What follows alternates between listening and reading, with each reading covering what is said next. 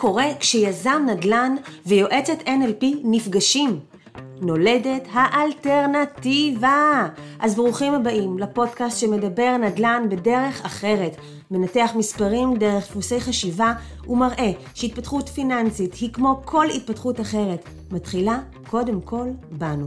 בואו נתחיל. הופה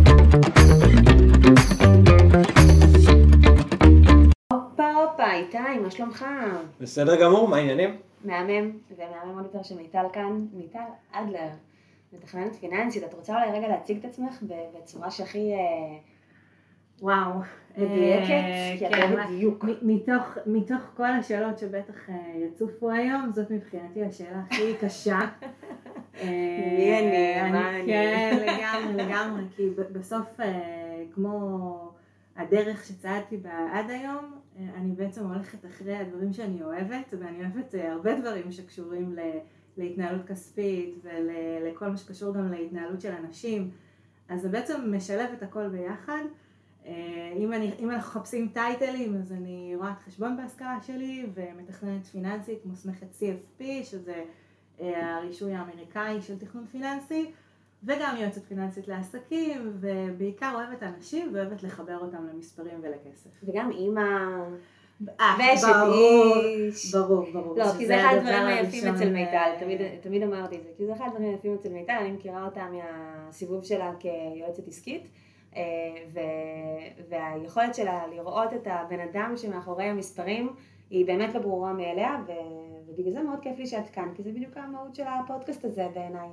אה, אנחנו הולכים לדבר היום על כל מה שקשור לעולם התכנון הפיננסי. את רוצה רגע להסביר מה זה בכלל תכנון פיננסי למי שלא ממש מכיר את זה? תכנון פיננסי זה מונח שהוא יחסית אה, חדש פה בארץ, אנשים פחות מכירים את זה במונח הזה. המטרה של תכנון פיננסי לפני הכל זה לייצר לנו איזושהי תוכנית שמייצרת לנו סדר בכל מה שקשור להתנהלות הפיננסית שלנו על כל היבטיה. אה, היא מתייחסת בעצם לעולם שלם של אה, מה, איך אנחנו מוציאים את הכסף שלנו ברמה היומיומית, כל מה שאנחנו קוראים לו צריכה שוטפת, אנשים מכירים את זה אולי במונח של כלכלת משפחה. מעבר לזה יש לנו את כל העולמות של ניהול, ניהול הסיכונים הפיננסיים, מהיבטי הביטוחים שיש לנו עד היבטי החשיפות שיש לנו, כמו לדוגמה חשיפות מטבע, שבטח קצת ניגע בהם היום. יש את כל העולם של הגעה למטרות שלנו, דברים שאנחנו רוצים להשיג בחיים, ואיך אנחנו מגיעים אליהם. גם אז תגידי רגע, אני רק כבר עכשיו. אני חייבת רגע לשאול, מתכננים פיננסיים יותר בפוקוס על סיכון או יותר בפוקוס על סיכוי? מתכננים פיננסיים הם יותר בפוקוס של הגעה למטרות שמאזנת בין סיכוי לסיכון. איזה תשובה, איזה זה תשובה. אה, בדיוק מה שאנחנו צריכים לעשות בכל החלטה שאנחנו מקבלים בחיים. ל- להתבונן פנימה, להבין מה אנחנו רוצים להשיג, ואז איך אנחנו משיגים את זה לפי כל הערכים שלנו, שהם כלולים, שם כלול גם הסיכונים. אני חושב שאחד הדברים החשובים ביותר שהבנתי כיזם בחיים שלי, שאין דבר כזה אפס סיכון, ואין התפתחות גם, אין, אין שום התפתחות, לא כלכלית, לא אישית, לא, אין שום התפתחות שאין בה אלמנט של סיכון. ואז כל אחד מייצר לעצמו את, ה, את העולם מושגים שלו על אה, סיכון מחושב ועל האופן שבו אתה לא קופץ מהגג אה, ככה סתם, אלא אתה בודק את הקרקע ואתה מנסה לצמצם את הסיכון עד לרמה שאתה אומר, זה סיכון שאני יכול לחיות איתו, אוקיי? ש, ש, שאני מוכן לקבל עליי את הסיכון הזה, מה שנקרא. אני יותר ממסכימה איתך, ואני אפילו אגיד אה, יותר ממך, אני חושבת שלא לעשות זה סיכון בפני עצמו, ואפילו סיכון יותר גדול, כי כשאני תקועה, אני לא מתקדמת, לא נשארת במקום, אני בעצם הולכת אחורה. בטח בימים האלה, כן? ש... לגמרי. שאנחנו בעולם ש, של אינפלציות וריביות ששוחקות לנו את, ה- את הכל, ו, וכסף שעומד הוא כסף אה, שיורד. יפה, יפה, אני מאמצת. לא, סלוגן. מאמצת. אה, יותר, יותר, יותר מזה אני אגיד לך, גם בעולמות שהיינו בסביבות הריבית הקודמות, כשלא פעלנו, בעצם לא התקדמנו לעבר המטרות שלנו בחיים. וכשאני תקועה ואני בסטגנציה, אז אני לא מגשימה את עצמי, וכסף זה דרך להגשים את עצמי. ומי שלא בא ומתבונן על זה ושואל את עצמו מה הוא יכול לעשות בשביל להשיג את זה, ולא מפחד מלהכיר עולמות חדשים, ואומר לעצמו, רגע, שנייה, אני מתבונן, אני קודם כל לומד ומכיר, ואז אני מקבל החלטות, הוא לעולם לא יגיע לאדם שהוא רוצה להיות, הוא לא, לעולם לא יגיע לאושר הנקודתי הפנימי שהוא רוצה, כי... מדהים, ואת מצליחה להגיע עם אנשים לשיח ברמה הזאת סביב כסף, כי זה ממש לא טריוויאלי. זה, זה בדיוק הבסיס והמהות של תכנון פיננסי, כי תכנון פיננסי יוצא מתוך הרצונות שלי ומהחלומות שלי ומהאישי שלי. מעולם לא בניתי תוכנית אה, פיננסית למשפחה שהיא זהה לתוכנית של משפחה אחרת, כי אין איזה, אה, לכל אחד יש את מה שהוא רוצה להשיג, ומה שמבחינתו זה אה, משהו שהוא אפשרי עבורו, וזה משהו שהוא יכול להגיע אליו ולהשיג, וזה בעצם היופי. גם כשאנחנו מדברים על סוגי השקעות, גם אם התמהיל הוא לכאורה תמהיל זהה, אבל הבחירה של ההשקעה הספציפית היא בעצם בחירה שקשורה באותו זוג, באותה משפחה, ולפעמים אפילו בין שני בני זוג יש הבדל. בדרך כלל זה קורה, אחד שהוא קצת ככה יותר... אה, אחד יותר הרפתקן ואחד יותר שמרן. לגמרי, ואז בעצם אנחנו מוצאים את, ה, את האיזון, כי בכל אחד מאיתנו. כן, אז את גם בעצם פסיכולוגית uh, לענייני משפחה, על הדרך מבלי להיות מוסמכת לדבר. אז, אז בואו רגע נבין, למי זה בכלל מתאים? לאיזו משפחה? והאם זה רק משפחה, האם זה אדם פרטי? כאילו, רווק לצורך העניין? למי זה בכלל מתאים לעשות תכנון פיננסי? כי... זה על פניו מה שאת מתארת, נשמע לי שאין בן אדם שלא זקוק לדבר הזה, אה, אבל אני לא חושבת שאני מכירה הרבה אנשים שהלכו לעשות תכנון פיננסי אה, באופן יחסי לצורך שאת מצביעה עליו. אז למי זה באמת מתאים? תכנון פיננסי הוא מתאים לכל מי שרוצה להשיג מטרות כלכליות בחיים שלו. זה לא קשור לנקודת הפתיחה. יכולה להיות לי נקודת פתיחה שלכאורה היא נקודת פתיחה שאני אגיד לי בעיני עצמי, שאני אשתמש במונח שאני לא אוהבת להשתמש בו, אין לי כסף, אבל אני לא... הייתם צריכים לראות את שפת הגוף של מיטל כשהיא אמרה את המשפט הזה. כאילו העיניים התגלגלו, כמעט יצאו מאחורי, וכאילו אין לי ברירה אלא להגיד את זה, כי ככה יבינו מה אני רוצה, אבל אני לא יכולה להגיד את המשפט הזה, זה ככה... זה סיפור פנימי, כשאני אומרת כן. לעצמי שאין לי כסף, אז גם לשם התוצאות שלי יגיעו. אז באמת אין לך כסף? אה, כן, אה, אז מתוך המקום הזה שאם אני רוצה אה, להשיג מטרות כלכליות, אני רוצה שתהיה לי תוכנית. איך להגיע לשם, וכל מי שרוצה להגיע לשם, בין אם הוא אה, בחור צעיר שהשתחרר אה, מהצבא, לבין אה, אנשים שהם כבר נמצאים אה, לקראת היציאה אה, לפרישה שלהם, שרוצים לתכנן את ה, בעצם את השלב השלישי של החיים שלהם, על כל המנעד הזה, זוג או, או רווק, או בעצם בכל קונסטלציה שלא תהיה, צריך תוכנית. חלק מהאנשים יכולים להתחיל ולבנות את התוכנית הראשונית שלהם לבד בעצמם. היום הידע פתוח בפני כולם, כל מה שצריך זה קצת רצון ומוטיבציה, יושבים, לומדים, ומי שרוצה כבר דברים שהם קצת יותר מורכבים, פשוט צריך להגיע להתייעץ, ולהתייעץ עם אנשי המקצוע שיכולים לעזור לו להגיע אני אגיד לך רק משהו אחד על מה שאת אומרת עכשיו, אני, אחד הדברים שאני מרגישה שחסרים לי, ואני חושבת שאני יחסית בן אדם שלומד דברים חדשים, זאת אומרת, שם את עצמי במקום של למידה. אך המקום ש, שבו אני נתקעת זה מקום שאני לא יודעת שאני לא יודעת. יש דברים ש... שאני לא יודעת שאני לא יודעת אותם, כי לא, לא שמעתי עליהם מעולם. זאת אומרת, יש הבדל בין להגיד, אה, כן, אה, השקעות נדל"ן, כולם מדברים על זה, ואני אף פעם לא באתי וחקרתי את זה, לבין לבוא ולהגיד עכשיו על איזשהו מונח שבכלל לא ידעתי שקיים, אז איך אני הולך ללמוד אותו. ולכן אני בגישה של, אה, אם אני רגע מהעיניים שלי אגיד למי זה מתאים, לא כמתכננת פיננסית, אלא כהדיוטה, כאדם מן היישוב, שמנהל משק בית, שנשואה עם ילדים, שרוצה להתקדם בחיים שלה. אני חושבת שזה מתאים לכל אחד שאומר, אני רוצה יותר. כאילו, גם זה לא משנה דרך אגב מה יותר. גם אם הוא יגיד לי, אני רוצה יותר אה, חופש, יותר זמן פנאי, יותר זמן משפחה, ברור שהכלי להשיג את זה יהיה כלי פיננסי, ולכן צריך לעבור דרך תכנון פיננסי. זאת אומרת, אני חושבת שזה פשוט עניין שזה לא... אה, אנשים יש להם באמת איזושהי חסימה מלדבר או להתעמק בעולמות של כסף, או שזה נראה להם רחוק מהם, או שהם מרגישים שהם עוד לא שם, או אין לי עדיין מספיק כסף כדי שזה יהיה רלוונטי אליי, או כל מיני מחשבות כאלה, ואני חושבת שאת באה עכשיו לפה וכזה מנפצת כזה את הבועה הזאת, ואומרת, לא, לא נכון, לא משנה כרגע מה הסכום הראשוני שלך, כל עוד יש לך איזושהי שאיפה בחיים, לך תתכנן מה אתה עושה עם הכסף שלך, לא, לא משנה כרגע איך, אבל העיקר שתלך ותעשה את זה. אני חושבת שאחד הדברים שיפים בדבר הזה, זה שברגע שאתה אה, מתחיל לחקור, ומתייעץ עם אנשים שבעצם אה, יש להם פריזמה מאוד רחבה, הם מסוגלים לראות ולהכיר הרבה מאוד אופציות, נפתח לך עולם. כי הרי בעצם כל הפתרונות נמצאים לא בדברים שנמצאים לנו מול העיניים, הם נכון. נמצאים כשאנחנו צועדים לתוך עולמות שאנחנו אולי פחות רגילים אליהם, פחות אה, נוגעים בהם. אתה לא יודע מה שאתה לא יודע, כלומר, זה זה הג'וארי שלנו. לחלוטין, לחלוטין. ואני חייבת להגיד שגם אני, אחרי אה, למעלה מ-20 שנה בתחום של הפיננסים, כל יום לומדת דברים חדשים, כל יום מכירה עולמות חדשים.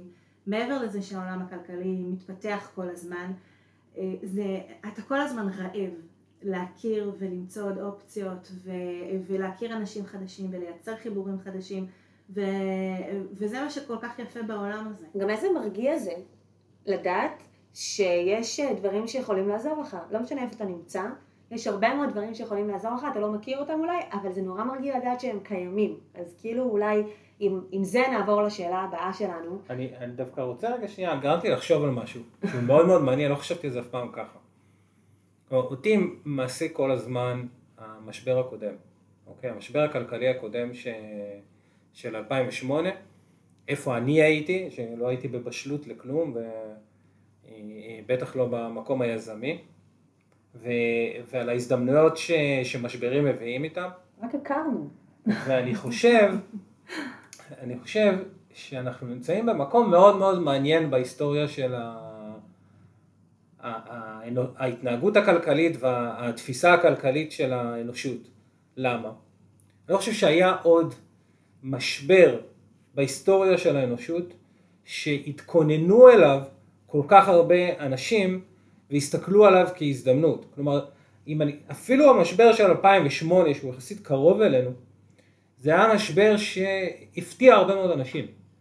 וכאילו בתחושה שלי, לפחות בסביבה ש, ש, של אנשים שאני מדבר איתה, היום בצורה הרבה הרבה יותר נגישה, יותר אנשים מצליחים להסתכל על המשבר כהזדמנות, ובכלל להבין שהמשבר הוא לא סוף העולם, אלא הוא איזשהו בכלל משהו זמני כזה ש... שבסופו של דבר גם ייעלם והצמיחה תחזור. ואני חושב שיש איזשהו משהו מדהים בכלל בשיח הזה של, של התפתחות כלכלית והבנה שלא משנה אם יש כסף, אין כסף, משבר, לא משבר, כלומר, יש לנו כלים ויכולת לעשות משהו בכל זמן נתון. אני, אני, אני חושבת שאמרת שני דברים שתפסו אותי. הדבר הראשון שתפס אותי זה האמירה שלך של, אה, אמרת אולי את זה כדרך אגב, האנשים שסביבי ואני שומע אותם מתארגנים ומתכוננים. אה, לא כולם שם. בדיוק, אני ממש חושבת ש... הסביבה שאתה נמצא בה. היום בגלל ההתפתחות שנוצרה כתוצאה מזה שאתה צמחת, אני, אה, זה שריר בדיוק כמו כל שריר אחר, לדעת להתבונן על העולם ולהסתכל על הזדמנויות ולהסתכל בפריזמה גם של הנושא הפיננסי ושל היכולות הפיננסיות שלך. כאילו מה שהיית אומרת, היו אנשים שעשו את זה גם אז, פשוט אנחנו לא. היינו ילדים, אז כאילו... אבל אני אומר, לא- מעבר לזה, זה לא רק ברמת ההיכרות האישית. תשמעו, זה סושיאל מדיה, השיח, בסדר, אבל זה- סושיאל מדיה, התוכן שם, הוא- אני- הוא נגיש. שם והוא נגיש, ועדיין יש אנשים שמתהלכים בעולם והם לא שם. לא, לא, אני לא אומר שכולם. אני לא אומר שכולם. אבל אני אומר שבניגוד ל-2008, שזה באמת היה שמור למעגלים, זה היה מידע, ידע, הבנה שהייתה שמורה למעגלים מאוד סגורים של אנשים. בגלל שזה היה פחות נגיש, אבל מי שחיפש את ההזדמנות מצא ברור, בכל ברור. נקודת לא, זמן. וגם באופן יחסי היו הרבה. הזדמנויות, כי היו פחות אנשים, אז כאילו, אני חושבת שיש כאן איזשהו מאזן כללי שנשמר, ופשוט טוב לדעת שמי שמקשיב פה לפודקאסט הזה, זה אנשים שבאמת מתעניינים במקום הזה. תחשבו. על זה, אנחנו חיים בעידן מידע חדש, שהוא רק אה, של העשור האחרון. כלומר, סושיאל מדיה זה משהו של העשור האחרון. רק אוקיי. צריך להוסיף לזה משהו אחד, זה לא מספיק ידע. אנחנו לא, צריכים לא. לעשות מעשה. זה לא ברור, מספיק. אלא, אנשים נתקעים שוב, זה לא- לא הנושא. של הפודקאסט, כן. ואני פעם לא אוהבת שהפרקים שלנו יותר מדי ארוכים, אבל תמיד יש המון המון עניין, כאילו, שעולה תוך כדי, אה, שקשה לנו להתעלם ממנו, אבל אנחנו אה, לא ממש נמצאים בעידן המידע, אנחנו נמצאים בעידן הפוסט מידע, שאחד האתגרים הכי גדולים שלו, מידע. זה בדיוק, זה over המידע שקיים, וקיים היום over מידע, ו over ולפעמים אנשים. גם מידע נכון. שהוא לא מדויק. בדיוק, ו over מומחים, אה, אני שמה על זה מרכאות, כי כאילו כל אחד מגדיר את עצמו היום כמומחה, ולכן יש אלמנטים של trust שהם הרבה יותר גדולים היום ממה שהיו פעם. אה, אז, אז כאילו, אה, אה, אין ספק שבשורה התחתונה מי שרוצה לעשות, יש לו איך, אה, נכון. ואני חושבת שצריך וזה להיות... מחבר אה, אותי גם לשאלה הקודמת שלך לגבי הנושא של אה, מי צריך אה, תכנון פיננסי או מי כדאי לו להיעזר באיש מקצוע שהוא מתכנן פיננסי, שהוא מתכנן פיננסי מוסמך, שהוא למד ויש לו בעצם את ההכשרה הרלוונטית אה, לעשות את ההתבוננות הכללית הזאת, זה גם מי שרוצה שיהיה מי שיעזור לו לסנן את הרעשים. בדיוק, נכון. ויעזור לו לעשות את ההתאמות. אה, בדיוק לתוכנית הספציפית שלו, ובעיקר שיהיה אובייקטיבי. בדיוק. ולמה אני אומרת את זה? כי בניגוד למקצועות אחרים שקיימים, מתכנן פיננסי שהוא מוסמך CFP, יש לו אחד מהערכים שאנחנו בעצם חתומים עליהם בקוד האתי, זה הנושא של להעמיד את הלקוח לפני הכל. זאת אומרת, הדבר הראשון שאני רואה זה את האינטרסים של הלקוח ואת המטרות של הלקוח. ולפעמים אני רואה כל מיני עצות שכל מיני אנשים מקבלים, שהן לאו דווקא אה, מתבוננות על הלקוח כ, כדבר הראשון, וזה משהו שהוא מאוד חשוב כשאנחנו באים אה, ככה לבחור מישהו שיעזור לנו לעשות סדר. אז רגע לפני שאני עוברת לשאלה הבאה, אני רק רוצה להגיד משהו אחד בהקשר הזה. אנחנו, אה, אמרתי את המילה אובייקטיביות אה, כערך, ואני חושבת שזה משהו שהוא מאוד מאוד חשוב, כי כשאני מתבוננת בתהליכי חשיבה של אנשים, אנשים חושבים שהם אובייקטיביים, הם חושבים שהם רציונליים, אנחנו הכל חוץ מרציונליים. אנחנו לא מבינים את זה פשוט, וגם כשמישהו אומר על עצמו שהוא רציונלי, זה לא רציונלי להגיד שאתה רציונלי, כי כאילו זה איזשהו רצון לש, לשדר משהו, או להגיד שהנה אני בשליטה, אבל זה שטויות ממיץ עגבניות, וכולנו בסוף עם הכפתורים שלנו בצורה כזו או אחרת. אה, והאפשרות לקבל החלטה שהיא באמת גם בגישור מדברים על זה, שלפני שמגיעים לפתרון הסופי, זה נשמע לא טוב, אבל, כיום השואה שעכשיו יצא, אבל אה, אה, לפני שמגיעים לפתרון המוסכם על כולם, כדאי להביא לשולחן כמה שיותר אפשרויות פעולה. אז גם פה, בתכנון פיננסי, צריך להבין שלבוא ולבחון אפשרות אחת באופן ספציפי, זה יקדם אותי במידה מסוימת, אבל לבוא ולהבין רגע לצד איזה עוד אפשרויות קיימות, זה יקדם אותי הרבה יותר מצד אחד, ולו, גם אם אני אבחר את אותה תוצאה בסוף, תהליך הלמידה שלי בדרך, ההתפתחות שלי, ההבנה המספרית שלי, ההבנה של השוק, ההבנה הפיננסית, אה, יש לזה ערך כסטנד אלון. אה, יש דברים שאני אומרת שכדאי מאוד לתקתק אותם, לעשות כמה שיותר מהר, אני חושבת שדווקא בצעדים האלה, אם מסתכלים על זה מתוך מקום של התפתחות אישית, אה, כן כדאי להבין מה עושים ולמה בוחרים דווקא באופציה הזו. אני יכולה להגיד שגם בפגישות אצלנו, כשאנחנו מקיימים פגישות מכירה, אנחנו לא מתכננים פיננסיים ומי שמוכר כאן הוא לא מתכנן פיננסי ואף אחד לא שמו לייעץ, אבל אנחנו כן מאוד מאוד מנסים להבין את הבן אדם עצמו, מה בדיוק ההון שעומד לרשותו כרגע ומה המשתנים האישיותיים שלו, יותר ביטחון, פחות ביטחון, או מה הוא מתכנן לעשות עם הכסף שלו. זאת אומרת, אנחנו לא מתכננים פיננסים, אנחנו כן שואלים כמה שאלות שיעזרו לנו להבין מה המודל העסקי, כלומר המבנה הפיננסי של העסקאות הרלוונטיות שהכי נכון לו, לא? ורק מתוך זה להציע את הפרויקט הספציפי או את הנכס הספציפי. לא, לא הפוך, לא לקחת פרויקט ולהגיד, הוא מתאים לכולם כי הוא פרויקט מדהים ואובייקטיבית, אולי הוא מדהים, אבל בסוף אין, האובייקטיביות היא בשיקול הדעת. היא לא כי לכולם מתאים בדיוק אותו דבר, וצריך להבין מי הבן אדם שעומד מולנו. אני, אני מסכימה איתך מאוד במקום הזה, ואני אגיד ש... כדי שאדם יוכל לקבל החלטה בדברים שקשורים להיבטים הפיננסיים שלו, הוא צריך שגם הבטן שלו תהיה שלמה עם זה. כי כסף זה לא כסף. זה אנרגיה. כסף זה אנרגיה, כסף זה, זה מה שאנחנו שמים על כסף.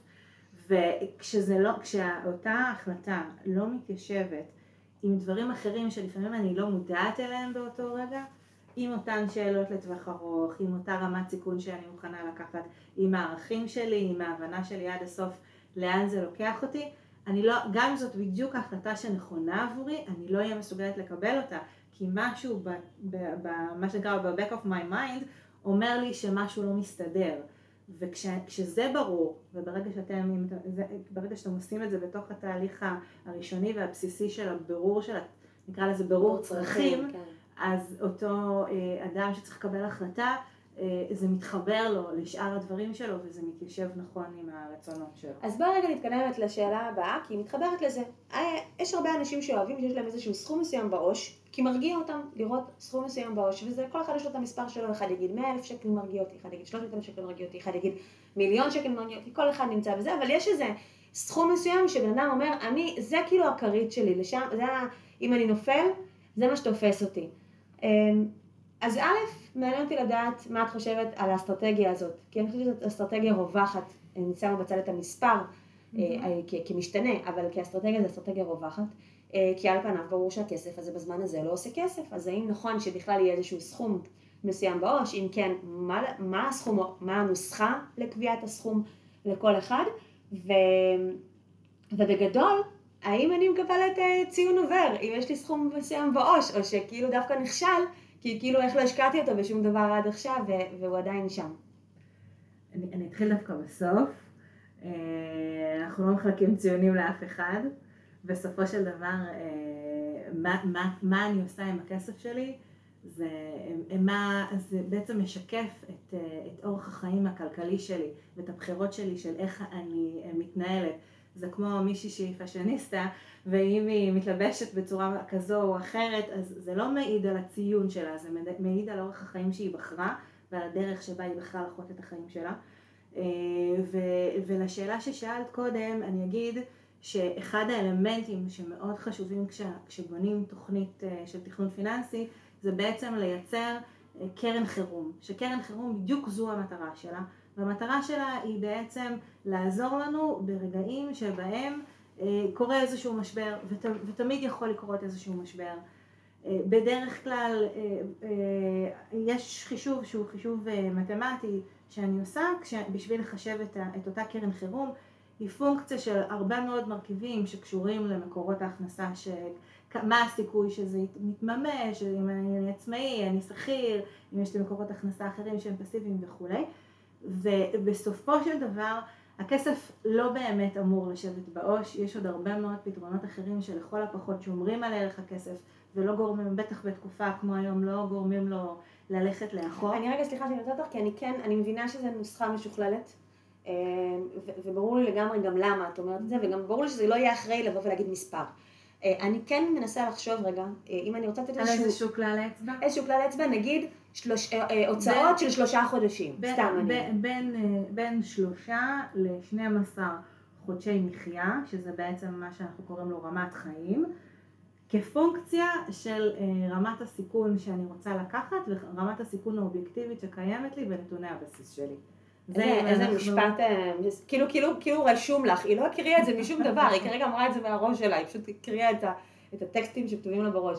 אה, אבל, אבל אני חושבת שזה ברור, אם אני רגע אתרגם את זה לשפה כאילו פשוטה, את אומרת, קחו רגע, תסתכלו בהוצאות שלכם.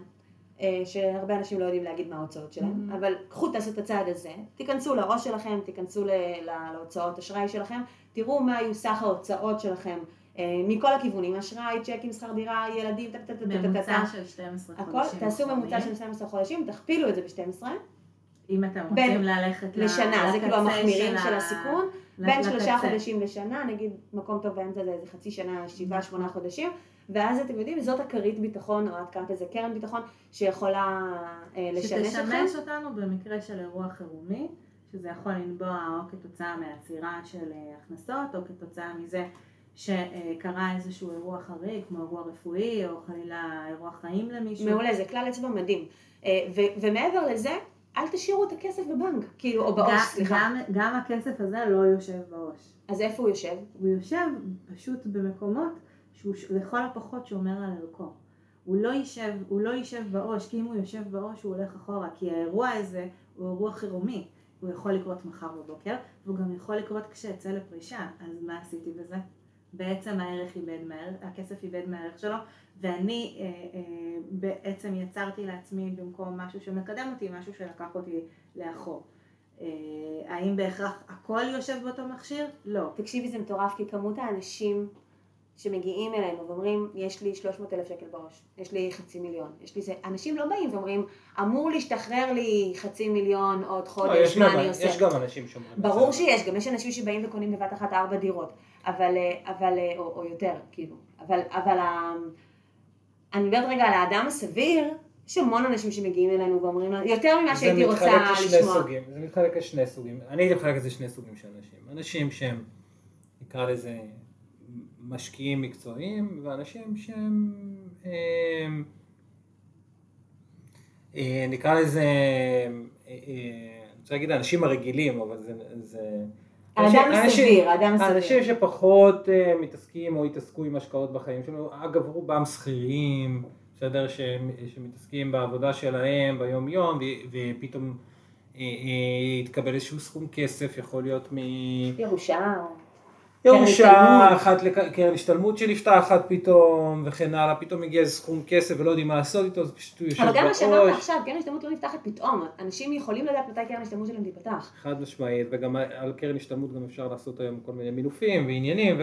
אבל, אבל אנחנו לא מדברים על זה, אנחנו מדברים דווקא על המקרים הרגילים, ואני חייב להגיד ש, שמהניסיון שלי, אה, במיוחד בתקופה הזאת עכשיו, הרבה מאוד אנשים מחפשים מה לעשות עם הכסף שלהם, ולאו דווקא הוא ישב בעו"ש, יש אנשים שהיו בתיקי מניות כאלו או אחרים, ומהר מאוד הוציאו אותם מהחשיפה המאוד מאוד גבוהה לשוקי המניות, כדי מה שנקרא למזער נזקים. אם זה נכון או לא נכון, לא ניגע בזה עכשיו, בסדר? בכוונה לא נכנסת. לא, לא, לא ניגע לזה, זה- העולם בפני עצמו. כן. אה, ו- ואו אה, אני מכיר גם מעולמות אחרים, מעולמות הקריפטו, שהמון אנשים שהנזילו או מנסים להנזיל את הכסף שלהם בגלל רגולציות ובגלל אה, בעיות כאלה או אחרות ובעיות אה, אה, בשווקים, בסופו של דבר אנשים מוצאים את עצמם כסף, אוקיי? והם צריכים לעשות משהו עם הכסף הזה, וככל שיש להם פחות ניסיון בהשקעות או במגוון של השקעות, אני חושב שזה לוקח את רוב האנשים למערכת היחסים, אני חושב, ש...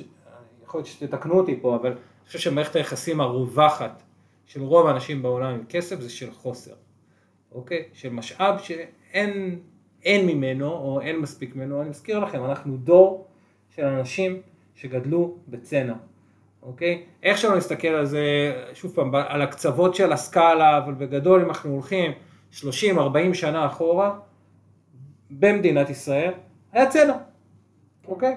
היה תפיסת מחסור. כלומר, לא היה כמו היום קניונים, כולם הולכים וקונים וכן הלאה, סרט זה היה אירוע שהולכים לקולנוע, נכון? זה לא היה איזה משהו שכל שני וחמישי. כי לא היה את אה, מפעל הפיס שנותן לך אה, סרט בעשרה שקלים. אז לא, אבל הצרכנות, הצרכנות, בכלל תפיסת. הצרכנות, נכון. תפיסת השפע באופן כללי השתנתה, אה, אבל הזרעים של, של מחשבה על חוסר ביחס לכסף עדיין שם, בגלל זה אני חושב שהרבה מאוד אנשים מפחדים, בסדר? מהקונספט של עכשיו, שלא יהיה לי כסף בראש חס וחלילה. טוב, אוקיי. אני לא יודעת מה איתך, אני כבר עשיתי חישוב, אני יודעת בדיוק מה אנחנו צריכים לעשות אחרי השיחה הזאתי. בואו נלך לשלב הבא. אני, אני, נלך עוד רגע אחד לשלב הבא, אני רק רוצה להתייחס למה שאיתי אמר, אני חושבת שזה לגמרי מתחבר לכל מה שדיברנו עד עכשיו. זה קשור ל, לעובדה, בוודאי, כל מה שאני ש- אומר מתחבר. זה קשור לא לעובדה ככה, ש... לא מתאים. אה, אני הייתי, אני אבוא כל יום, אני אראה לך באמת. אה, שאנחנו בעצם אה, מתנהלים לא מהראש כשזה קשור לכסף, נכון. אלא מתנהלים מתוך סט הערכים שלנו ברור. ומה- מהסיפור רגש. הפנימי שלנו, וזה קשור גם לעובדה שאנחנו אה, באיזושהי תחושה שאנחנו לא מבינים עד הסוף לתוך מה אנחנו נכנסים, ואז אנחנו אה, מעדיפים להיות ב- ב- בפריז, כי אנחנו בסיטואציה בתוך איזשהו עולם שהוא עולם לא מוכר, וזה בדיוק הזמן, רגע לעשות איזושהי עצירה, ו- ולהבין מה האופציות שעומדות בפניי, וכשאני מבינה גם מהשכל וגם מהלב, אז אני יכולה לקבל החלטה ואני יכולה להתקדם, ו- ולא להיות בשלב הזה שבו אני תקועה. ואני רוצה להזכיר אה, משהו שאולי הוא לא מובן מאליו. כסף זאת לא מטרה, כסף זה משמעית. אמצעי. נכון. וכשהכסף יושב בחשבון בנק, והוא בעצם מחכה, הוא יושב ככה ומרגיש בדד, אז, אה, אז הוא לא עוזר לי להשיג את המטרות שלי, ואז לא עשיתי אז מזה יש לי. פחות כלים. יש לי פחות כלים להגיע ליעד שלי כשאני לא עושה שימוש נכון בכסף שלי, ו... כמה אנשים אתם מכירים שחושבים ככה על כסף, או בכלל אה, אה, חושבים על מה המטרות שלי בחיים, ואז מסתכלים על הכסף ככלי. טוב, כלומר, בסדר, זה אני, אני, זה לא, שיח... אני לא מכיר הרבה אנשים ש, רוב שחושבים האנשים ככה. שמרימים אליי טלפון ואומרים איתה אנחנו רוצים להיפגש, מתקשרים בגלל משהו מאוד מאוד ספציפי, נקודתי, אני מסכים, זה כן. נקודתי, שהם מרגישים שהם צריכים לקבל בו החלטה כלכלית. כן, כן. כשאנחנו נפגשים בפגישה הראשונה, הפגישה הזו נקראת פגישת בהירות, שזאת בעצם פגישה שבה אה, אחרי שעברתי על כל הנתונים הפיננסיים, אני בעצם אה, מתבוננת איתם ביחד על, על, על המקום שבו הם נמצאים היום. אנחנו מנהלים את מרבית הפגישה על מה אתם רוצים להשיג. איזה מטרות יש לכם בחיים. אני לוקחת חלק מהאנשים ממש שנים רבות קדימה בחיים שלהם, כדי להציג דירה לכל ילד. לדוגמה. ההכנסה הפסיבית ולעשות שינוי במקצוע, אני, כאילו יש הרבה סיבות כאלה. חד משמעית. וזה דרך לרתום בסופו של דבר לקבל החלטות. עכשיו החלטה היא לאו דווקא אה, לקום מחר בבוקר, לקחת את הכסף שנמצא לי בעו"ש ואיתו אה, אה, לקנות אה, דירה או להשקיע אותה באיזושהי השקעה ספציפית כמטרה סופית. אפשר לא, לעשות... זה הכל כלים. אה, אה, לא, כלים וגם road map, וגם road map, כאילו אתה בונה תוכנית עם מיילסטונס, עם אבני דרך. אז זה חידוד מאוד מאוד חשוב, ואני שמחה שאמרתם את זה, כי למעשה אנחנו אומרים, אנחנו נורא עסוקים בלדבר על השקעות נדל"ן, ואז הפוקוס הופך על השקעת נדל"ן, ואם אנחנו עושים רגע זום אאוט כזה, אז אנחנו אומרים, לא, אנחנו בכלל עסוקים, וזה מה ש... וזה אני מאמין שלי, בהתפתחות האישית שלנו, ולהגיע למטרות שלנו, ולחיות את החיים שאנחנו רוצים לחיות, שמגיע לנו לחיות, שאנחנו ראויים לחיות. ואז כאילו אנחנו אומרים, השקעות נדל"ן, אה, בחו"ל, בארץ, תכף נבין באמת מה השלב הבא בתוך התכנון הפיננסי, אה, אה, או כל מיני כלים, מכשירים פיננסיים אחרים, הם למעשה הדרכים שלנו, הכלים שלנו להשיג את המטרות האלה.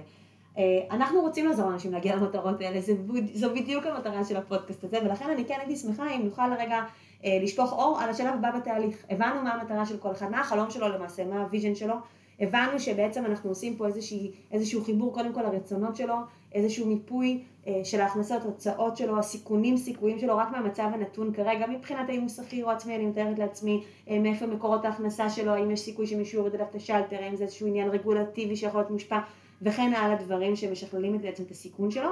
מה השלב הבא? בעצם אחרי שיצרנו את כל הדברים שאמרת ויצרנו את אותה קרן חירום שאליה הקצינו בעצם את הכסף הראשוני ווידאנו שבאירועי חירום קיצוניים כמו אירוע חיים לאחד מבני הזוג או אירוע רפואי אה, משמעותי אנחנו לא, לא מכניסים את, כל, את המשפחה לאיזושהי סחרחורת. בעצם אנחנו מתחילים לראות אה, מה השווי הכספי, ממש מתרגמים את זה למספרים, מדדים אה, אה, של, של כל המטרות שאותן אנחנו רוצים אה, להשיג. כמובן שאחת המטרות, אה, לא דיברנו עליה כרגע, אבל מבחינתי זאת אחת המטרות הראשונות שאני בודקת, גם אם הזוג או לא, לא אותה, זה מה הולך לקרות עם המשפחה כשהמשפחה תצא לפנסיה, הרבה לפני פנסיה מוקדמת או כל, ה, כל, כל מה שככה אנשים, מאוד סקסי להגיד עכשיו, אבל אנחנו, אני מדברת על זה שיש הרבה אנשים שלא יודעים מה הולך לקרות איתם בפרישה, הם לא נערכים לזה, הם לא מודעים לעובדה שככל הנראה יהיה להם חסר כסף כשהם יפרשו, ולפעמים הרבה כסף, והם לא נערכים לזה. כי יכול להיות שאם אני נמצאת היום בשלב מסוים, והיום אני נערכת, היום אני קונה איזה נכס, רוכשת איזשהו נכס, גם אם אין לי את כל ההון העצמי לנכס הזה, אבל בעצם אני יכולה בתכנון מסודר להגיע למצב שבו בעצם אה, הנכס הזה סוג שיממן את עצמו או יממן לי את הפער. התשואות מהנכס הזה, ההכנסה מהנכס הזה תחכה לי בשלב אה, שבו אני אצא לפרישה ובעצם זה ישמש אותי לתזרים השוטף שלי וייתן לי בעצם את אותו שקט שאותו חיפשתי כשהכסף שלי היה תקוע בראש. בראש, כאילו שראיתי את המספרים. יש פה שני דברים שאת אומרת לי שהם כאילו בשבילי מאוד, אותי הם תופסים. קודם כל, אחד, אה, באיזה גיל כדאי לעשות את זה? כאילו, אה, אנשים שמדברים על פרישה, זה... אני מעולם לא דיברתי על פרישה. כאילו, דיב, לא, דיברנו על זה כמה פעמים, אבל אנחנו כל הזמן מדברים על פרישה בגילאים... כאילו, אנחנו תמיד רוצים להמשיך לעבוד ותמיד רוצים להיות בפרישה. אז כזה, אנחנו מסתכלים על זה קצת אחרת, ומאז שאנחנו מכירים זה השיח שאנחנו מנהלים בינינו, לאו דווקא מתוכנן. לא פרישה, אנחנו לא מדברים על פרישה במובן הקונסרבטיבי. כלומר, מבחינתנו, הרעיון הוא לעבוד כל החיים במינונים שונים. להיות בחופש כלכלי, כשאומרים פרישה משמעותית להיות בחופש כלכלי. להיות בחופש כלכלי. לא להיות תלוי במוסדות חיצוניים. אבל אני לגמרי מבינה שזה נכון שצריך לחשב את זה, בטח מי שהוא כן בוחר להיות שכיר, יש מסה גדולה של אנשים. וגם כל מי שבוחר להיות עצמאי, אחד העניינים, אני אה, אה, בגלל הרקע שלי והעובדה שאני גם מלווה הרבה מאוד עסקים בהיבטים הפיננסיים, אה, זאת ההתמחות המרכזית שלי אה, במשפחות שיש להן עסקים. וככל שהעסק שלך יותר אה, מורכב, וככל שאתה יותר מתבונן על, ה, על העשייה היומיומית שלך, אתה פחות חושב קדימה, ואתה לא נערך. לא נערך לאירועים נכון. גדולים, ובטח שאתה לא נערך לתקופת הפרישה, כי זה נראה שזה לא יגיע, אבל חברים, זה קורה מהר. מגיע. הנה, אנחנו כבר, אה, מתקתק לי העשור הבא, שזה הזיה בפני עצמה. אז באיזה גיל, באיזה גיל, באיזה גיל אנחנו צריכים לחשוב על זה, באמת, על פרישה? אני, אני חושבת שההתבוננות הזאת צריכה להיות בשלב המוקדם ביותר האפשרי. מבחינתי, כי אלמנט הזמן פה הוא אלמנט ששווה לנו הרבה מאוד כסף, הוא. אקספוננציאלי.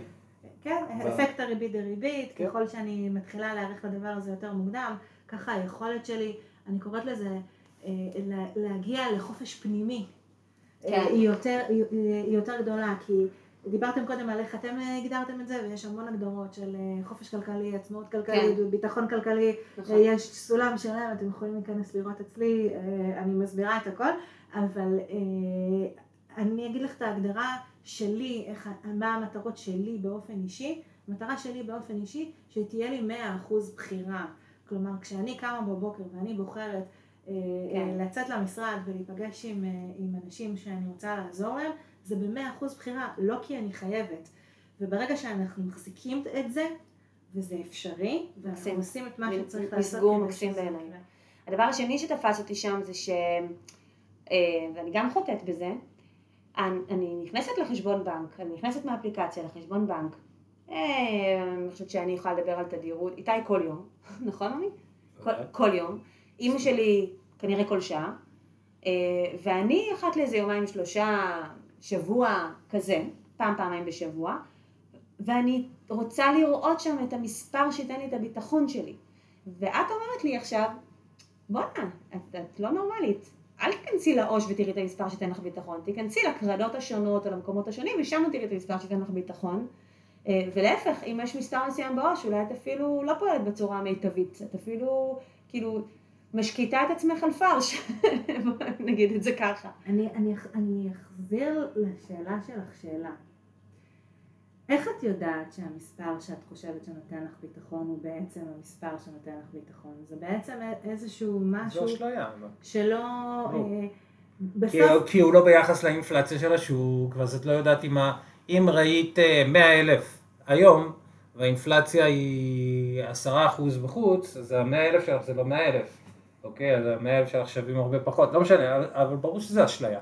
אבל כולנו מונעים מה... לא, אבל אני הנקודה שאני כאילו מתייחסת אליה פה, היא יותר באמת הדפוסי חשיבה שלנו. לכל אחד מאיתנו יש את ההרגל הזה, את ה-bad habit, זה- הוא לא תופס את זה הוא לא כ-bad habit. זה לא, להפך, הוא זה יכול... האביט מצוין מאוד. לא, אני אנחנו צריכים להיכנס ולראות. לא, ה-bad habit מבחינתי זה שכאילו המקור של השקט שלי הוא מקור פיקטיבי. לגמרי. כאילו, זה, זה מה שאני אומרת. ואני שמחה ומודה לך על האסימון הזה שנפל לי כרגע, כי אני עד היום, אה, בואכה גיל 40, התנהלתי לפי הדבר הזה. אני חושבת שינקתי את זה, את ההסתכלות הזאת, אה, גם מהסביבה, לא רק מהבית שלי.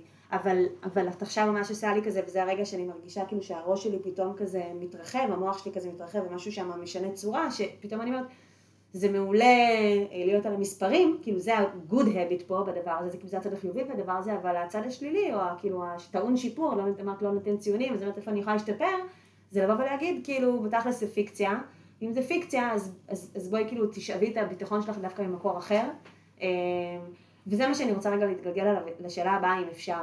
אה, מהם אפיקי השקעה שהם רלוונטיים כשאת באה ומייעצת לזוגות, למשפחות, לרווקים, ווטאבר? אני, אני רוצה לשאול את זה בצורה קצת אחרת, כי זה ממש דגדג לי, ואני יודע ש, שאנחנו רוצים לבנות פה איזשהו נרטיב, אבל בתכלס, אוקיי? מבלי להיכנס לקצוות, אוקיי? מה התמהיל אידיאלי של, של השקעות שצריך להיות לבן אדם, עזבי מינונים עכשיו והכל, בגדול, איקס מחולק למניות, איקס מחולק למניות, בגדול, בסדר? בגדול. או סטנדרטי כזה אני- שאת אה, אני- מציעה. אני יודע שאין תשובה אעצר אחת, אותך, אוקיי? ואני אגיד לך מה שאמרתי ממש בתחילת השיחה שלנו, אוקיי. שזה לא custom. זה לא אה, איזושהי נוסחה, זה לא, custom. made. למה אני אומרת לך custom made? כי רק אחרי השיחה איתך וההבנה של מי אתה, אנחנו נוכל להניח על השולחן אבל יש אופטימום. השקעות שהן רלוונטיות. אני, אני אגיד לך, אה, אה, כשאתה, דיברנו קודם על ניהול סיכונים, אז בניהול סיכונים חכם אני אאזן גם את סוגי ההשקעות, כי לכל השקעה אוקיי. יש יתרונות ויש חסרונות, יש ברור. יתרונות מאוד גדולים בשוק ההון, גם ברור. עכשיו זה נראה אולי קצת פחות, ויש יתרונות מאוד גדולים אה, בשוק הנדל"ן, ו, אה, ולכל דבר יש אה, אה, חשיפות כאלה ברור. ואחרות, ובסופו של דבר אני ארצה עבורך איזשהו איזון נכון. בין סוגי ההשקעות, אני גם ארצה עבורך איזשהו איזון של סוגי מטבע שבהם אתה מושקע, מהמם. כי אם כל ההשקעות שלך וגם ההכנסה שלך היא, היא בשקל, אז ברגע שיש לנו אה, אה, משהו שקצת מערער את השקל, אז אולי אנחנו נרצה אה, גם קצת את הסיכוי ממטבעות אחרים, שאולי המטבעות האלה יוכלו לתת לנו איזשהו איזון של, אה, של תמהיל התשואות בתיק ההשקעות שלך. כשאני אומרת תיק השקעות אני לא מתכוונת רק למניות, אלא בכלל לכל סוגי ההשקעות שאנחנו יכולים לשפוך פנימה, נדל"ן בישראל, נדל"ן בחו"ל, השקעות אלטרנטיביות. אה, אבל אם היית צריכה. לבחור, אני- זו תשובה של פוליטיקאית. כאילו. כי, כי אני אומר, עזבי, אנחנו בעולם שאנחנו, וזה ככה אני מנסה להסתכל על כן. העולם, בסדר? אני מנסה לייצר, לייצר אידיליה, אוקיי? מהמם. מצב של אידיליה, שיש לי אה, תיק מאוזן, אוקיי? מהמם. ש, שהוא בגדול ב- באופטימום של הממוצע של, ה, של האנשים ש, שעושים תכנון פיננסי, אוקיי? בגדול, אוקיי? במקרו, לא עכשיו, זה לא מדויק, אנחנו לא במדע מדויק כרגע. מדע מדויק זה בקסטום באחד על אחד, שם אנחנו יותר במדע מדויק, ב- ב- בהתאמה האישית. אני אקשה עלייך, מה, לדעתך כאילו הדבר הזה. אני, אני מבינה בדיוק לאן אתה חותר, אוקיי, ואני בכל זאת אומר לך, שבסופו של דבר כשהנחתי את המטרות שלך, ואחרי שהבנו את המטרות שלך וכימתנו אותן לכסף, אני בעצם יודעת מה נקודת הפתיחה שלך. לצורך העניין, בוא נאמר בשביל, ה, בשביל השיח בינינו, שכימתנו את המטרות שלך והמטרות שלך שוות מיליון שקלים, בסדר? אתה נמצא בנקודת פתיחה שבה יש לך 200 אלף, וחבר שלך נמצא בנקודת פתיחה שיש לו מיליון שקלים. אוקיי, רמת הסיכון של, של התיק שלך ורמת הסיכון של, של התיק של החבר שלך, מן הסתם יהיו שונות, כי נקודת הפתיחה שלך היא שונה, אבל Mhm. גם יכול להיות שאתה אה, סופר שמרן וחבר שלך סופר הרפתקן, אז זה גם משפיע בסופו של דבר על התמהיל. בוודאי. והתמהיל הזה הוא בעצם משפיע על סוגי ההשקעות ועל התמהיל ביניהם, כשאנחנו נכניס לתוך התוכנית שלך. אוקיי. אבל בגדול, כאילו, אם אני בכל זאת אה, מנסה למצוא אצלי מיטל מבין השורות משהו, אז אה, לא, אבל גם, גם הסיבה לזה נורא ברורה, גם אני חושבת שאסור לה לבוא ולתת אה, ייעוץ, כאילו, לא, אבל אין ייעוץ, אה, אנחנו לא מפורש שכזה. מייעצים. אז, אז חד משמעית זה לא ייעוץ מה שקורה כאן, ותחשבו שיש לא פה כזה מייעצים, שורה כזאת שאומרת רצה לכם לכל אורך בצורה הזה. פרטנית. בדיוק. אבל אני כן, אני כן רוצה לקחת את זה לאיזשהו אה, מקום שמתחבר לעולמות שלנו.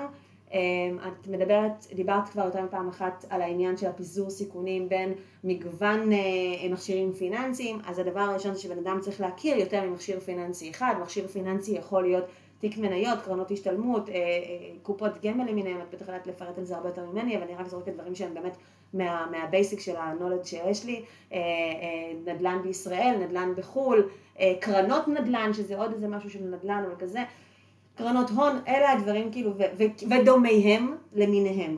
אה, והעצה הבסיסית היא לבוא ולפזר את הסיכון כמה שאפשר מבין הקרניים האלה, וכל אחד כמובן עם הסיכוי שהוא גם הציע, ואחוזי הרווח וההעדפות שלו, האפשריים, ותוך והצורה כמה זמן זה נזיל. וכהנה וכהנה. כפונקציה של המטרות. בדיוק, אז אני לא אתחיל לפרט את זה, אבל כן מעניין לדעת מה את חושבת בתוך העיניים האלה אה, על השקעות נדל"ן, ב- בארץ, בחו"ל, בכלל. אה, אני אגיד ככה, אנחנו חיים בישראל. וכאנשים שחיים בישראל, אה, אנחנו בעצם אה, כאן ומתגוררים כאן. יש אנשים שלא מאמינים בכלל בתוך עולם הנדל"ן, ואנחנו לא נמצא להם בתוך ההשקעות שלהם השפעות נדל"ניות. ויש אנשים שלא מאמינים בכלל בשוק ההון ובעצם לא שמים את הכסף שלהם שם לכאורה, כולנו בסופו של דבר בצורה כזו או אחרת חשופים לשוק ההון. אה, אבל בסופו של דבר באמונה שלי הבסיסית, שלי מיטל, ברגע שאני גרה כאן, צריכה להיות לי כאן איזשהו רגל שקשורה לשוק הנדל"ן הישראלי. למה? אה, מה הסיבה לזה? רגשית?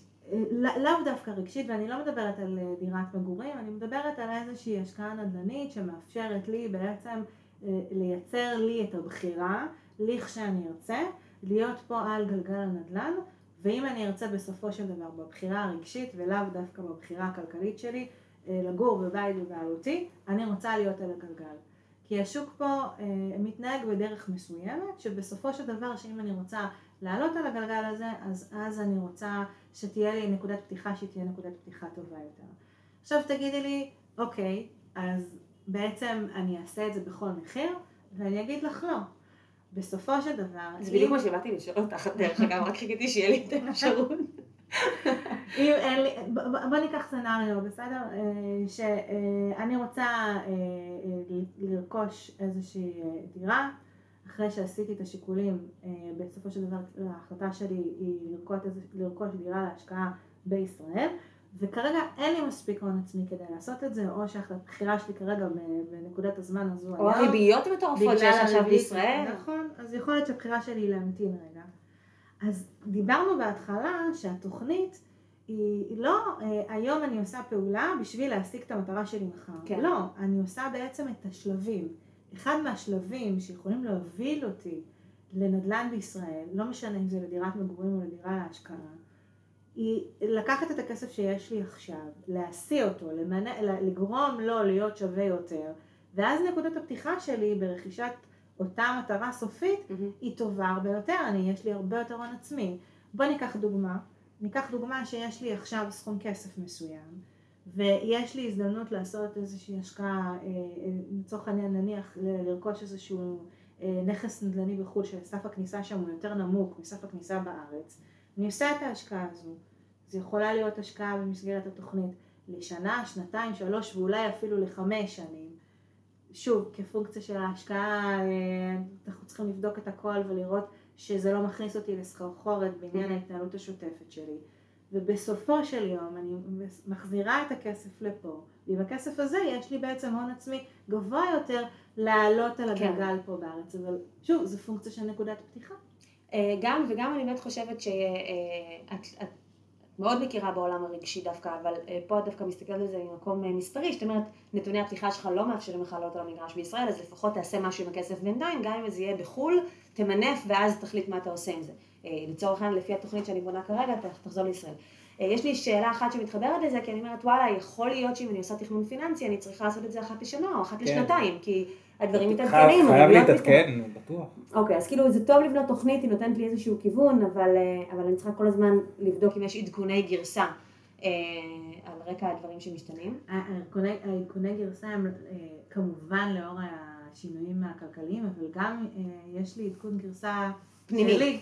נכון. המטרות שלי משתנות, נולד ילד, אה, הרצונות לא שלי, הצרכים. שלי. אה, אנחנו מתכננים לפי מה שאנחנו יודעים באותו הרגע, וזה חי ונושם, זה כן. בדיוק, אני אקח את זה לעולמות האחרים שאנחנו מכירים, זה בדיוק כמו תוכנית עסקית. כן. מי שחושב שהוא עושה תוכנית עסקית, עשה אותה פעם אחת והוא רץ איתה וזהו ויש לו עסק מצליח, הוא בעצם יש לו טעות בבסיס. ומצד שני, עסק זאת- שהתנהל ללא תוכנית עסקית בכלל, אז כאילו, אבוי לו. אז, אז אותו דבר גם אתה הפרטי שלנו, הביתי שלנו. ביקשנו משהו שהוא הגדרה שמאוד דומה למה שאנחנו מכירים. תוכנית פיננסית לחיים זה כמו תוכנית עסקית לעסק שלך. אתה פשוט מתכנן את הדבר הכי חשוב שלך, זה את עצמך, זה את המשפחה שלך, זה את החיים שלך. כן, ממש עסק שהתנהל בלי תוכנית עסקית זה, זה, אה, זה, זה אובדן, כאילו זה יצר אובדני מבחינתי, ואני באמת חושבת שזה נכון, שאנחנו, זה שאנחנו לא במודעות של זה, זה דבר נפרד, אז זאת המטרה של הפרק הזה, להעלות את זה למודעות, אבל משפחה שמתנהלת ללא תכנון פיננסי כזה או אחר, היא, היא נתונה בעצם לאותה משאלת מוות. שאם אני כבר דיברתי במונחים האלה, זה לך על זה עד הסוף. אמ, אוקיי, את יכולה להגיד אולי למה לשים לב, ממה להיזהר, אה, את דיברת פה על כמובן אה, נתונים של ריביות, של, אה, של סף כניסה, של הקרן אה, ביטחון שלנו, מה היית מציעה לשים לב אליו שמתקיים ברגע שמישהו כן הולך ועושה השקעה בחו"ל כרגע? אה, אני- חושבת שאם אנחנו באים לעשות השקעה בחו"ל, אחד מהדברים שאנחנו מתמודדים איתם זה בעצם שיש לנו שם הרבה פחות אה, אה, תחושה שאנחנו מכירים לתוך מה אנחנו נכנסים, בטח אם זה השקעה במדינה שאו מעולם לא ביקרתי בה, או אני לא כל כך מבינה מה קורה שם ברמה, ברמה הכלכלית. אז קודם כל לברר את זה, להבין לאן אנחנו הולכים, מה המצב הכלכלי שם, מה, מה סביבת השוק, וגם בתוך אותה מדינה, באיזה עיר, ולפעמים אפילו אנחנו נשאל באיזה, באיזה שכונה. שכונה ואפילו באיזה רחוב, מה קורה שם, מה סביבות המחירים שם ומה צפוי להיות. אה, אני רוצה להבין את המטבע שאליו אני נחשפת, כמה הוא חזק, כמה הוא יכול לחשוף אותי למקום שיכול להיות שהעסקה היא נהדרת, אבל כשאני חיה בשקלים ואני מתרגמת את זה לשקלים, אז יכול להיות שתהיה לי בעיה. כמובן שאני רוצה להבין אה, את כל נושא המיסוי, להבין מה ההשפעות, מה ההשלכות, לפעמים אה, מיסוי יכול להפוך עסקה ממש טובה לעסקה שהיא לא כל כך רלוונטית כי יש לנו פה השפעות מאוד גבוהות של המיסוי, גם מיסוי מקומי אגב וגם מיסוי בארץ אה, וכמובן שאני רוצה להבין את העסקה עצמה, אה, כמה תשואה אני מקבלת על הכסף שלי, מה הצפי שלי קדימה מבחינת השבחה. אני תמיד אומרת שהשבחה של נכס אה, היא, כל עוד לא קניתי את הנכס מלכתחילה מתחת למחיר הזה. כן, אז היא לא רלוונטית. זה, זה, זה בעצם בונוס, זה איזשהו דובדבן. כן. אני רוצה אה, לדעת שכשעשיתי את העסקה, קניתי מלכתחילה עסקה טובה, או תזרימית או אה, מבחינת השבחה, ו, ו, ובסוף האקסל, אחרי שעשיתי את כל ההחלטות הרגשיות, הוא זה שנותן את, ה, את התשובה הסופית, האם העסקה היא עסקה כדאית או לא כדאית, וכשאנחנו אומרים כדאי או לא כדאי, זה תמיד בהשוואה לשני דברים. הדבר הראשון, אל מול התוכנית שלי, הרי אמרנו שהצבתי מטרה, וזה האמצעי שלי להשיג את המטרה, המטרה שלי צריכה להגיע עם רמת תשואה נטו מסוימת. אם ההשקעה הזו לא מפיקה לי את, את הנטו נטו. הנדרש. נטו, דגש של נטו. אז בעצם ההשקעה הזו, ככל, טובה ככל שתהיה, היא לא רלוונטית למטרה שלי, האישית. והדבר השני שאני רוצה אה, אה, להתבונן, זה מה האופציות הנוספות שיש לי להגיע למטרה שלי, ואני לא מסתכלת רק על תשואה, אני גם מסתכלת על היכולת שלי להכיל את העסקה, ומהי רמת הסיכון בעסקה. פה אני אגיד משהו שאולי פחות פופולרי. אם יש לי תשואה מאוד מאוד גבוהה לעסקה, ככל הנראה גלום בעסקה הזאת סיכון. כי זו המשמעות של, ה... של תשואה. ו... ולא כולם מסוגלים להכיל את זה. כל אחד מאיתנו יש לו את הוודאות שהוא צריך ואת ההרפתקנות שהוא צריך, ואני צריכה למצוא את המקום שהוא נכון לי. אני אשאל אותך שאלה אחרונה לקינוח. אה, כי, כי באמת שאפשר, אני יכולה להמשיך לדבר איתך שעות, גם כי אני לומדת מזה וגם כי כי זה באמת מעניין, זה כל כך מתחבר, מחבר בין העולמות הכספיים והפיננסיים לעולמות של רגש, ובאמת מרתק. אה, מה שאני רוצה לשאול אותך, אבל זה משהו שדיברת, הזכרת כזה לרגע את העניין של השקל, אה, והרבה אנשים פונים אלינו דווקא בתקופה הזו, על רקע כל מה שקורה בארץ מבחינה פוליטית, אפשר להסכים או לא להסכים, זה פחות הדיון מבחינתי, או זה לא הדיון מבחינתי כרגע, אבל הרבה מאוד אנשים נלחץ להם פה כפתור שהם רוצים להוציא את הכסף שלהם מישראל, אה, ומעניין אותי לדעת איך זה מתחבר מבחינתך לתכנון פיננסי. הנושא של להחזיק באמת במטח, אה, ואם במטח, האם פשוט אה, באמת לקנות מטח, או ופשוט שישכב באיזשהו חשבון השקעה, חשבון דווקא שיהיה בחו"ל, האם לשים אותו כבר על נדל"ן בחו"ל באותה הזדמנות, או מה ההסתכלות שלך לרגע הזה? אני יודעת שזו שאלה שיכולה להיות עכשיו פרק בפני עצמו, אבל בואי ניתן איזשהו משפט, ואם יהיה צורך אז, אז נעשה על זה פרק נפרד. אני אגיד שבסופו של דבר עוד הרבה לפני התקופה הנוכחית, אה, בעצם אה, חשיפה למטבעות אה, נוספים לשקל, זה חלק מתוך הפנינה והתמהיל שאנחנו עושים ובודקים, כל אחד לפי מה שהוא רוצה שיקרה אצלו מבחינת ניהול הסיכונים שהוא רוצה שיהיה. והאופציות הן, הן כולן פתוחות, גם להחזיק כסף בעו"ש ככסף מט"חי זה כמו להחזיק שקלים, זאת אומרת ש... אם זה לא כסף שאני, אה, שהוא בעצם הולך לשמש איזושהי מטרה קרובה, בוא נשאל מה אנחנו רוצים להשיג בכסף הזה, ואני פשוט... אז זה גם אותה פיקציה שדיברנו עליה קודם מכיוון אחר. כן. אה, אה, אם, אם באופן כללי קשה נורא לחזות מה הולך לקרות, ספציפית בתוך עולמות המטח, זה, זה אחד האזורים שהכי קשה בו לייצר, ואני לא, אה, אף אחד לא מתיימר להגיד שהוא יודע מה הולך לקרות בשוק המטח, אה, תסתכלו מה קורה בימים האחרונים. כן, זה משתגע כל יום. אה, יש הרבה דברים שמשפיעים על זה, ובסופו של דבר אני רוצה לייצר לעצמי כמה שפחות חשיפה למשהו מאוד ספציפי. ו- ולמקסם את, ה- את הכסף שלי כדי להשיג את המטרות שלי. ואם כבר באמת אה, אה, ממירים למטח, זה רלוונטי אם זה, איפה זה יושב, זאת אומרת, מבחינת מקום גיאוגרפי, או שאין לזה משמעות מבחינתך? בסופו, את, את מדברת, חשבון בישראל, חשבון בפורטוגל, פשוט פונים אלינו הרבה שפשוט רוצים לפתוח חשבון בפורטוגל, להעביר לשם את הכסף. הם, דרך אגב, אחד החששות שלהם זה לא רק ערך הכסף, אלא החשש מזה שאי אפשר יהיה להוציא כסף מהבנקים בקרוב, אבל זה באמת כאילו שיחה בפני עצמה. רק על הנושא רגע של הערך והתכנון הפיננסי, בהנחה ואפשר יהיה להוציא כסף מהבנק בישראל תמיד, בסדר? יש לזה איזושהי משמעות? אה, בסופו של דבר, אה, אם הכסף אה, נמצא בארץ, הוא יכול להיות בארץ בשקלים ובכל מטבע אחר. בואי אנחנו ככה נתמקד במטבעות המרכזיים, שזה הדולר ויורו.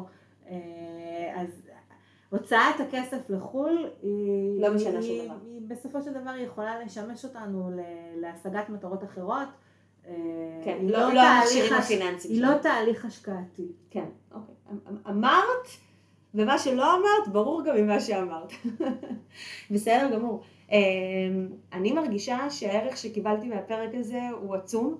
אני מודה מאוד על זה שזה קרה, גם היה לנו קצת קשה לתאר, אז אני שמחה שזה בסוף אה, כן. אה, התממש. אה, יש לי הרבה שיעורי בית, לנו, לי זה אומר לנו, שיעורי בית לעשות עכשיו, אז המון המון המון תודה על הבקיאות והרהיטות והשטף וה, וה, והלב שאת מביאה איתך תמיד. אז תודה, תודה, תודה. כן, היה כיף להתארח פה ותמיד כיף לדבר איתך. תודה. יאללה, רוצו לתכנן. כן, לגמרי, לכו לתכנן. תודה רבה, להתראות. יאללה.